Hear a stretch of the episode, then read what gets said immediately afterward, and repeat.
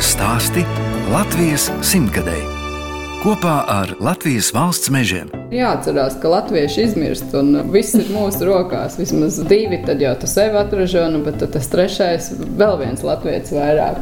Bet no augustiņš mums, var teikt, tāds visvērtīgākais šī gada simtgades projekts ir. Pirmā augustā ir cik līdz būs četri mēneši. Citiem liekas, ka tas ir diezgan traki, tik daudz bērnu. Mums pašiem tas liekas kaut kā ļoti organiski. Jo lielākie jau tomēr palīdz. Jā, un augusts ir arī tik maziņš, un tad vienmēr, kad bērni atnāk no skolas mājās, viņš tā kā tāds magnētiņš viss kā savā kopā, jo pirms tam jau, nu kā, visādi snapchati un klāstīšana telefonos, un viss tagad ir tā, ka ir tas mazais bēbīts, tad visi atkal te pulcējās vakaros un bučo un mīlē viņu. Tā par savu ceturto bērnu, mazo dēliņu augustu, stāsta Ieva Vītola no Sējas pagasta murjāņiem no bundzinieku mājām.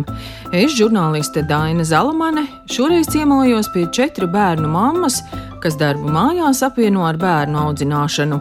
Ieva ir tradicionālās kultūras pētniece, vairāku pētījumu un grāmatu līdzautore.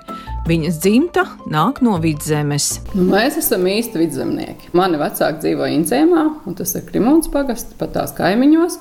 No Sigūdas nāk mans tētis.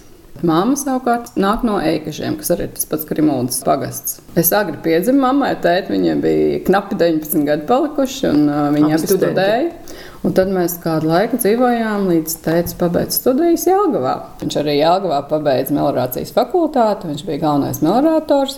Un savukārt mamma man ir bērndārza audzinātāja. Pēc tam tētis ar māmu atgriezās Incēmā, jo tur tika uzcelts jauns bērndārs, kur mamma sāk strādāt. Kā jau kolekcijā, arī tētim uzreiz piedāvāja darbu. Tajā laikā tika celta vienīgā piestāvā māja Incēmā.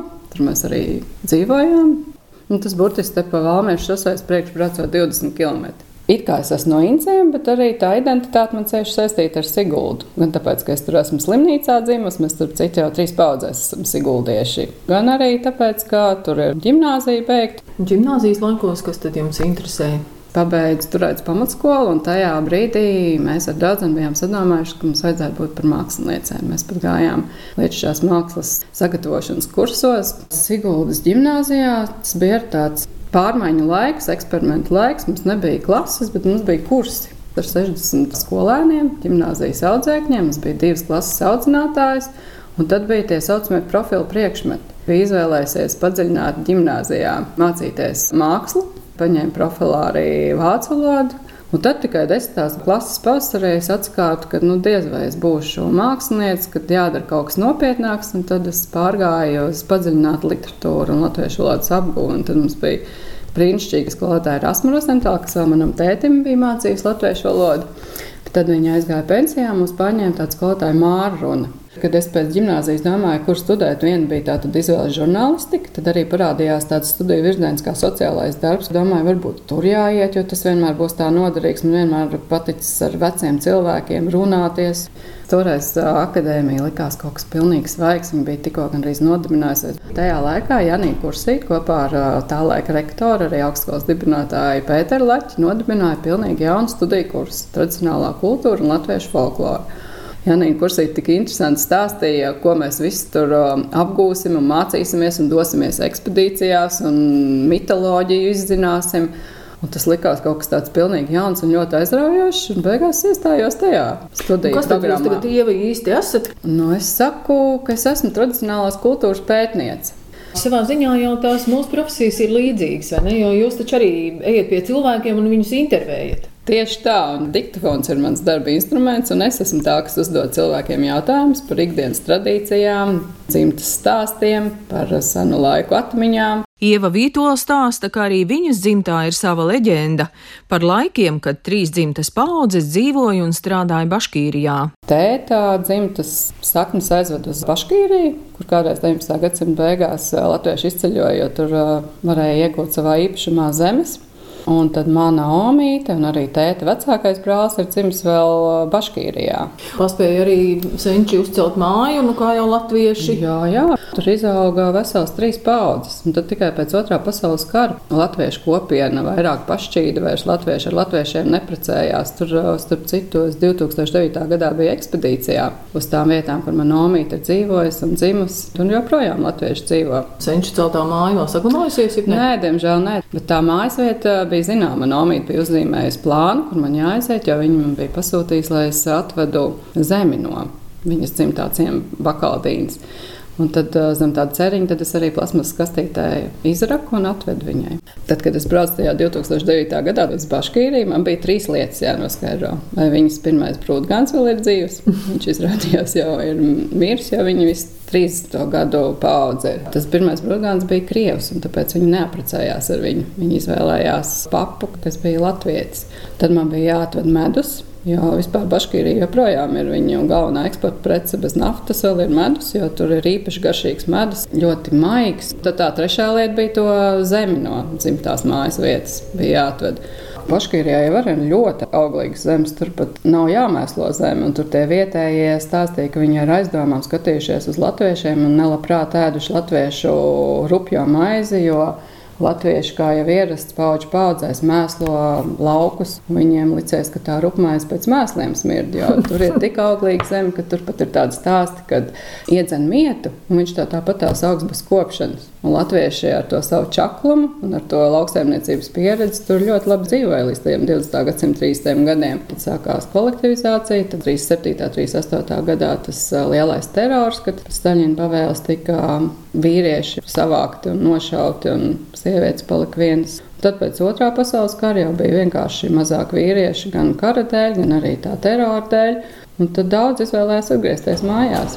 Nebija grūti pamest. Tomēr, kad cilvēks ir iedzīvojies, ja jūs sakāt, grūti, paudzes... grūti nebija, tāpēc, ka tur pirms tam bija latviešu skolas, latviešu svētkus svinēja, un pēc tā otrā pasaules karā tomēr viss notika vairāk vai mazāk krievu valodā, un vairs tā ciešā latviešu būšana tik izteikti nebija un tā senču balss droši vien vilka atpakaļ. Pēc atgriešanās no Baškīrijas atkal iedzīvoties Latvijā bijis visai grūti. Baškīrijas siguldieši 60. gados cieši turējās kopā, jo viņi bija savstarpēji pazīstami. Viņi nāca no tā viena ikdienas kultūras slāņa.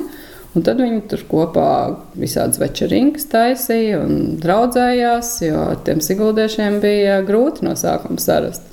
Bet vēl kas ir tāda pazīme Baškīrijas latviešiem, ka viņi ir ļoti čakli. Tādā veidā viņi iemantoja to cieņu un tā pilsētā iedzīvojās. Jo, starp citu, ir tāda leģenda, ko es neesmu pārbaudījusi. Paškīrijā bija vairāk tie latviešu ciemi, man omīte un paps nāk no Bakaldīnas, bet tur arī bija tāds Maksims Gorkī vai Arhlatviešu ciems un Livānija. Arī tāda latviešu nosaukuma. Un tad vēl viena tāda ciema grupa bija Austrumciems un Balošs ciems. Un uz to austrumu ciemu it kā pat ir uh, devies Edgars Kalniņš no Lielvārda, zinādams, ka tie cilvēki ir ļoti čakli, viņiem var paļauties un vedis uz Lielvārdu un tur izmitinājis. Aucē ļoti daudz baškīrijas latviešu atgriezušies Cēsīs, Siguldā. Omītē vēl tagad ir daudz tādu vārdu, ko viņi ir atvedusi no savas bērnības zemes. Piemēram, kad grib rosināt, nu, laižam, vai nu, mēs tagad latviešu sakām, devai, bet uh, baškīrijas latvieši saka aidā. Aidā dosimies peldēt. Jo tā valoda jau ir iekonservējusies. Viņa jau paliek tāda, kā tajā laikā, 19. gadsimta beigās, sabrauc tie latvieši ar tiem savām izloksnēm no dažādiem pagastiem. Bet to Baškīrijas laiku jūs tagad tā uztverat kā tādu dzimtas leģendu, nu, tādu stāstu par seniem laikiem. Patiesībā man tā apziņa par to, ka tie senči ir saistīti ar baškīrijas latviešiem, diezgan vēl nāca. Es pati par sevi brīnos, jo patiesībā es taču varēju mierīgi kultūras akadēmijā studējot, gan kursu darbos šo tēmu pētīt, gan pēc tam promocijas darbā studējot un jau kopā ar profesoru kursīti ejot ekspedīcijās, sāku intervēt cilvēkus. Tu jau sāc tās tradīcijas arī paskatīties, kas tavā ikdienā notiek, kādas ir tradīcijas. Domāju, kā Tomīte vienmēr to tēju ar pienu dzer joprojām brokastīs. Melno tēju ar pienu. Tā, tā nav tāda angļu paraža vairāk. Baškīra arī, arī Krievijā, arī Sibīrijā. Tas ir tāds ierasts dzēriens - salda tēja ar pienu. Un otra lieta, ka tad, kad bija dzimšanas dienas omītē vai vārdienas, viņi vienmēr mūs sagaidīja ar pašgatavotiem pelmeņiem. Un tā pamazām es sāku viņai prasīt, kā viņa māca pelmeņus taisīt un kāpēc viņai garšo tēju ar uh, pienu. Un sākām skatīties albumus, un patiesībā tā atklāsme par tiem Baškīrijas latviešiem un tā dzimtas sakņu izzināšana arī sākās tādā diezgan apzinātā vecumā pēc studijām, pirms kādiem 15 gadiem. Bet varbūt tas ir arī tā normāli, ka bērnībā mm. ir citas lietas, par ko domāt. Pilnīgi. Tā ir. Priecājos par to, ka mums izceļošanas tas posms ir bijis mūsu dzimtā, un ka tagad mēs arī skatāmies, man māsa un brālis mums nekur nevāk. Nebraukt uz Angliju, ne Vāciju, laimi meklēt, gribās tepat uz vietas, vidzemē. Kā mēs ar māmu smējamies, ka šai pusgaujai, tad mēs esam vēl šajā pusē, eikaži, kur ir inciems un sigulda. Mani un manas saknes te ir uz vietas, jo man liekas, nav jaukāk darīt arī darbā, arī savos ikdienas darbos tādas lietas vai pētījumus veikt, kas ir saistīti tieši ar dzimto vietu un tām dzimtas saknēm. Latvijas stāsti.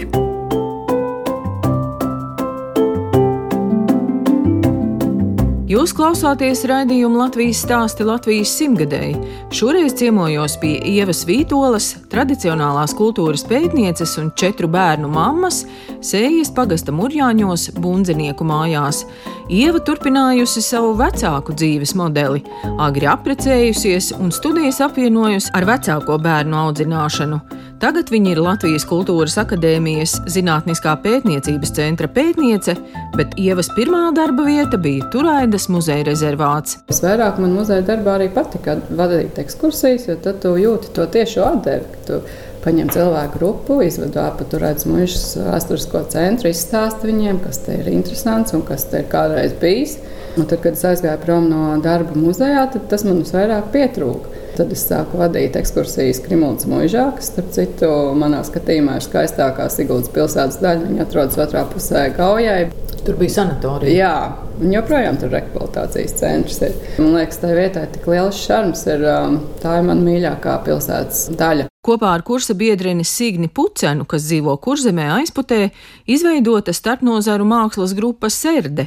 Ieva un Signe izdevušas jau 21 tradīciju burtnīcu. 2005. gadā mēs ar Signi pirmo reizi patstāvīgi uzorganizējām ekspedīciju aizputē par pilsētas folkloru, ko vietējie aizputnieki zina stāstīt. Veselu nedēļu strādājām.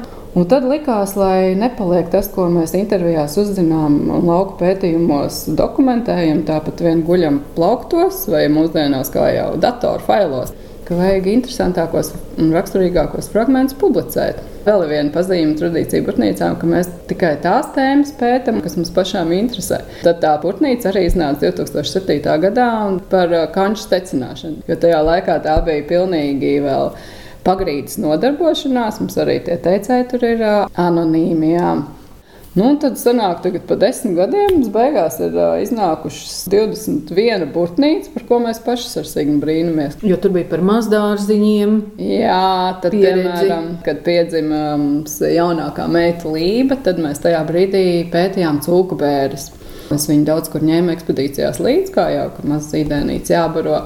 Un viena tante man saka, vai zinot, kur jāliek pirmā uts bērnam, kad atrod. Jāliek gudrā grāmatā, lai gudrs bērns aug. Pamanīju, ka patiešām ir tik daudz tradīcijas apkārt, kas ir saistīts arī ar bērnu dzimšanu un audzināšanu. Un tad ir burtnīca bērni. Pagaujas plosniekiem to atkal uzvedināja mūsu leģendārais Siguldietis Mārs Mitrēvis. Viņš ir arī vidas gids. Un tā mēs satikāmies par tās intervijas bibliotekā Siguldas novada sarunājumu veids. Viņš atnāca ar tām bildēm, kas viņam ir no viņa posmēku laikiem, un tā bija arī tāda ļoti laba tēma, ko es domāju, ka vajadzētu turpināt, jo kādreiz daudzas tādas mazas upes, ne tikai gauja un dāgau, tika izmantot par ūdens ceļiem, bet arī par citām mazām upēm pavasaros pludināja koku materiālu. Kamēr Vecie plosnieki vēl dzīvi. Jā. Noteikti jāpiemina ir pēdējā tradīcija burtnīciņa zaļumballes.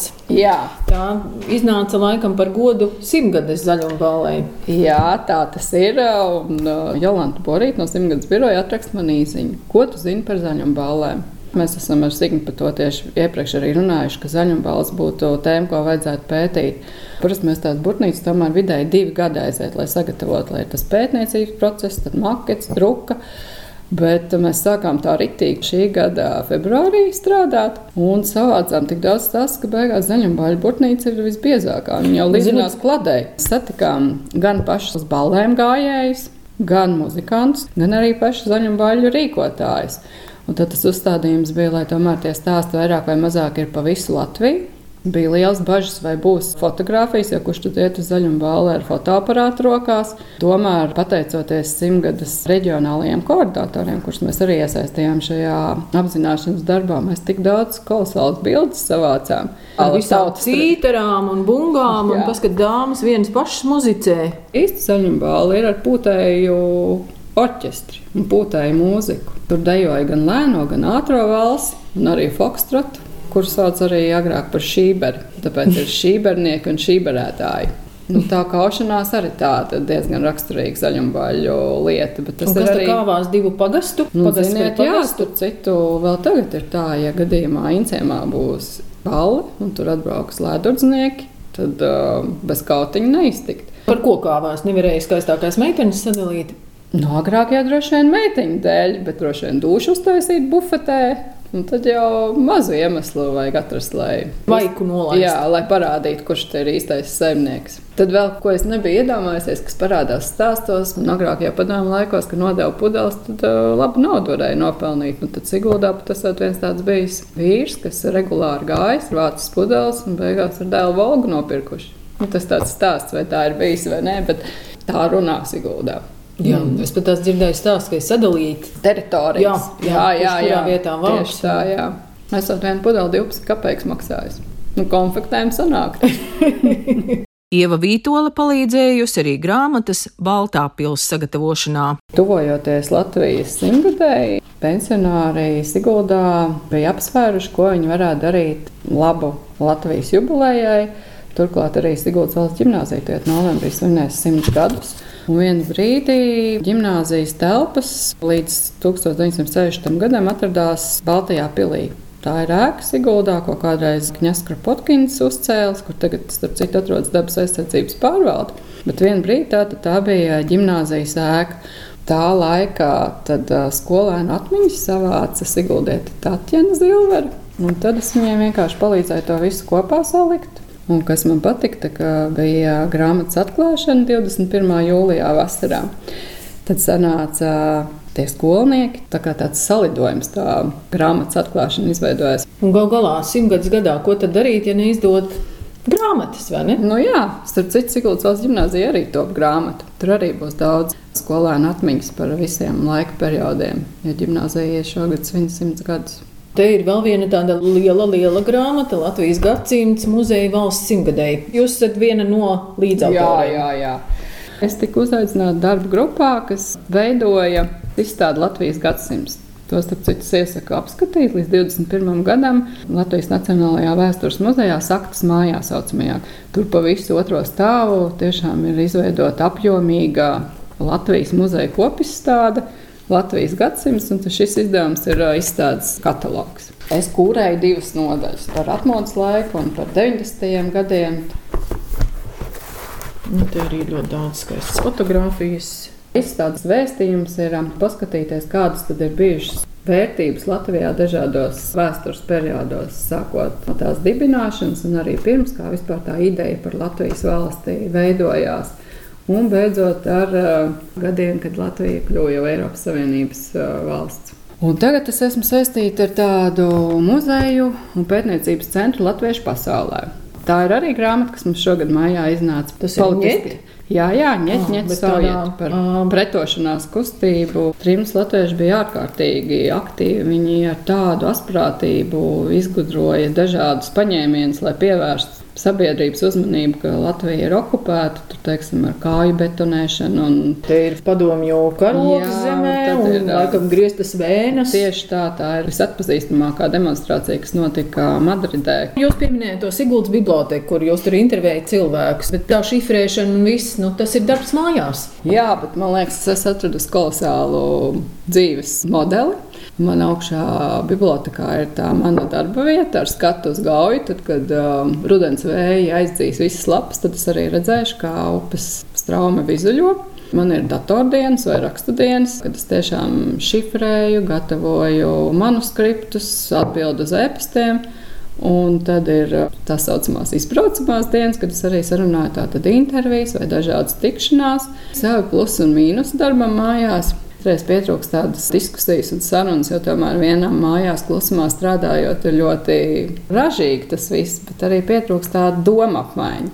Bet to es atkal kompensēju tajās izbraucamajās dienās. Vai arī mēs ar Signi viņu aizputēju arī jau mazpilsētā. Mēs varam stundām norunāt un izrunāt visu, kas sakrājies vai kas uzzināts. Tas lielākais pluss ir, ka to visu var apvienot ar ģimeni, ar bērniem. Ja jums ir četri bērni. Jā, rīta cēlienu pusdienas laiku strādā, un tad ap četriem sāc strādāt par ģimenes šoferu un guvernanti, kamēr viss bērns no Siguldas izvadā pa pulciņiem vai pa sporta skolām, mākslas skolām, tad atved mājās, un tad jau ir vakariņu laiks, un tad mācības. Ļoti labi, ka to var apvienot. Nav nu, bērni droši vien ir ļoti priecīgi. Jā, viņi ir priecīgi. Jābūt ir strādājot mājās ļoti apzinīgam. Bet ar to man arī nekad nav bijušas problēmas, jo man ļoti motivē termiņi. Ja es zinu, ka man līdz konkrētam datumam kaut kas ir jāizdara, tad es arī varu pa naktīm strādāt, lai es to esmu izdarījis. Latvijas stāsti.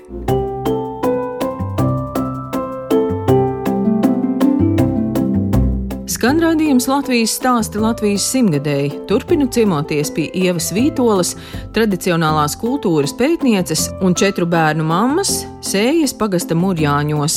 Bundzinieku mājām ir desmit gadus veca vēsture. Kad tuvojas 30 gadi, tas sāk vilkt pēc savas mājas vai pēc sava zemes pleķīša. Mums tā arī bija, ka pirms tam desmit gadiem likās, ka gribās savu māju, negribās vairs pilsētā dzīvot. Un tad sanāca, ka mēs nebijām vienīgie. Arī manā vīra kursu biedra bija par šo domājuši, ka gribās savu zemi un savu māju. Un tas bija un labs kaimiņus. Jā, starp citu. Tas bija arī tāds laiks, kas bija tieši pirms krīzes periods, kad bija ārkārtīgi augstas cenas Siguldā, kas mums nebija pa kabatai. Mēs pirms tam desmit gadus dzīvojām Siguldā dzīvoklī. No vienas puses, Siguldā ir labi dzīvot, jo tur patiešām ir nodrošināts gan bērniem, tur brīvā laika aktivitātes, un arī pašiem ir ko darīt. Bet tomēr nu, nav tāda brīva elpa un tas dabas tuvums. Es jau vienmēr esmu dzīvojis, kur vienmēr mežs apkārt un svaigs gaiss. Un nav tā, ka tu redzi, ko kaimiņš brokastīs ēd blakus mājas logā. Te kaimiņš Mārcis to zemi pļāvu pārdeva. Mēs viņu sadalījām sešos abos gabalos. Visi draugi un labi kaimiņi esam. Tā, tas nosaukums, jā, tieši no šīs dziesmas seši mazi bundzinieki arī nāca.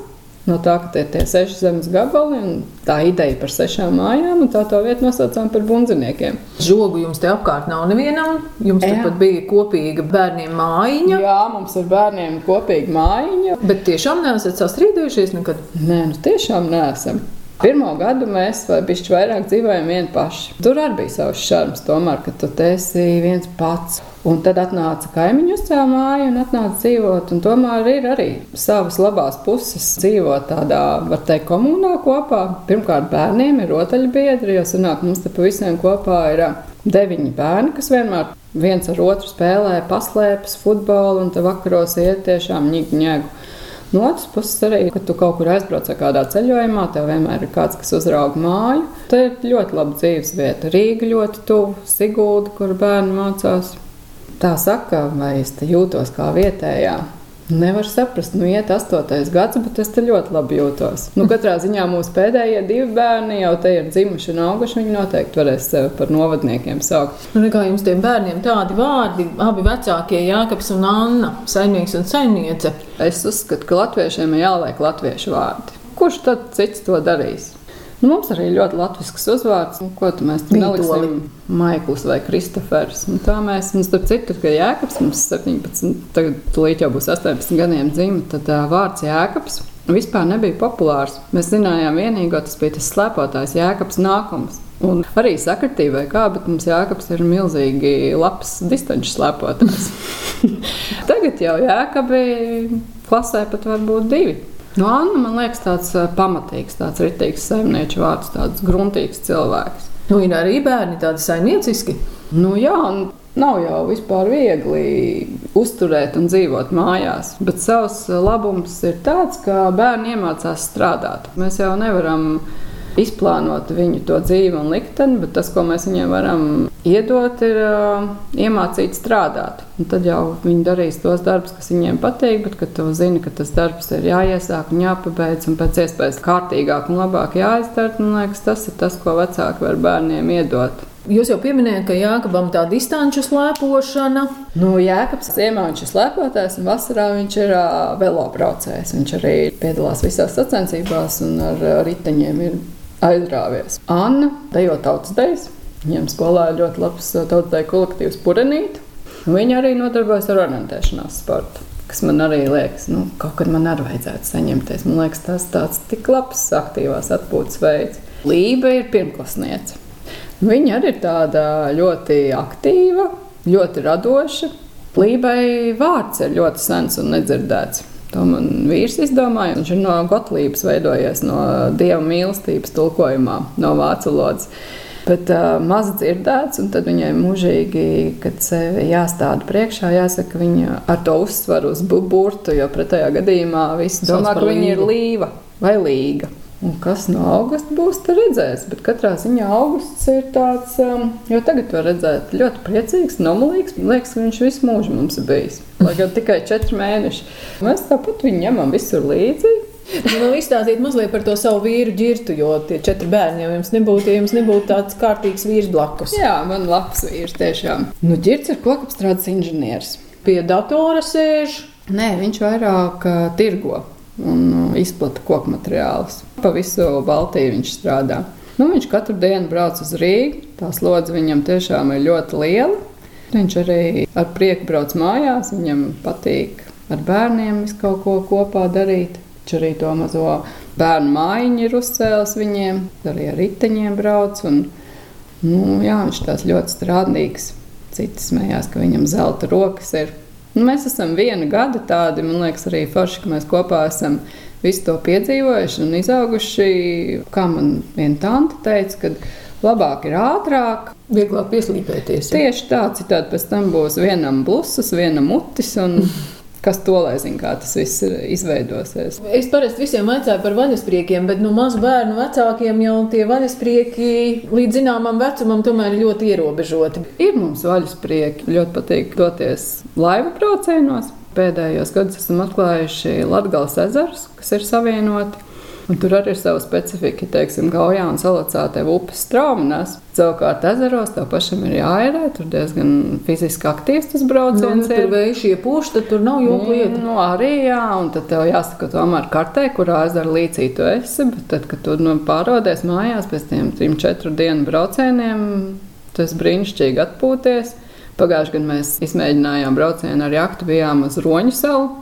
Es jau smējos, nu šajā dzīvē es ar kultūras darbinieka statusu diez vai to varēšu piedzīvot, bet man nākamā dzīvē noteikti būs jahta. Ziemā savukārt braucam daudz peldēt, pat Raganā ir baseins un Siguldā. Ūdens ir tā lieta, kas ļoti atbrīvo un dod atpakaļ spēku. Pēc pieciem, desmit gadiem droši vien būs kāda tradīcija, burtnīciņā radusies, vēl kāda grāmata. Droši vien, ka es tāpat turpināšu. Es labprāt gribētu tikpat veiksmīgi apvienot darbu ar ģimenes dzīvi. Nu, ar bērniem pietiks, četri ir gana daudz. Nu, varbūt vairāk būs laiks ceļošanai, jo man vienmēr paticis doties tādos pašus organizētos braucienos. Kā pagājušajā gadā mēs bijām Azerbaidžānā, kad tu pats izplāno un veido to savu ceļojumu pēc savām interesēm un ritma. Nu, es ceru, ka viss tāpat labi turpināsies. Kas to teica, kas redzēja?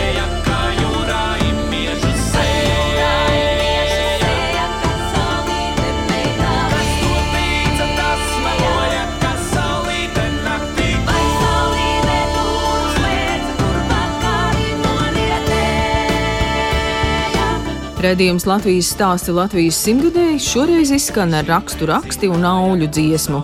Mēs atvadāmies no Ievas Vītolas, kas dzīvo Sējas pagasta muļāņos un kopā ar vīru ģirtu audzina četrus bērnus. Ieva ir kultūra vēsturniece, kas šogad pētījusi zaļumbāļu tradīcijas Latvijā, kā arī vairāku grāmatu līdzautore. Fotogrāfijas varat apskatīt Latvijas Rādio 1 mājaslapā.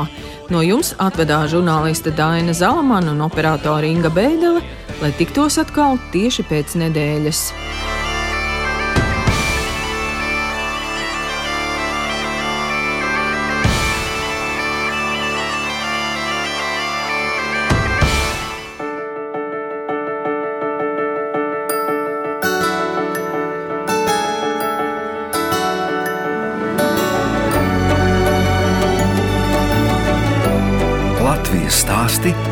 Latvijas simtgadēji kopā ar Latvijas valsts mežiem.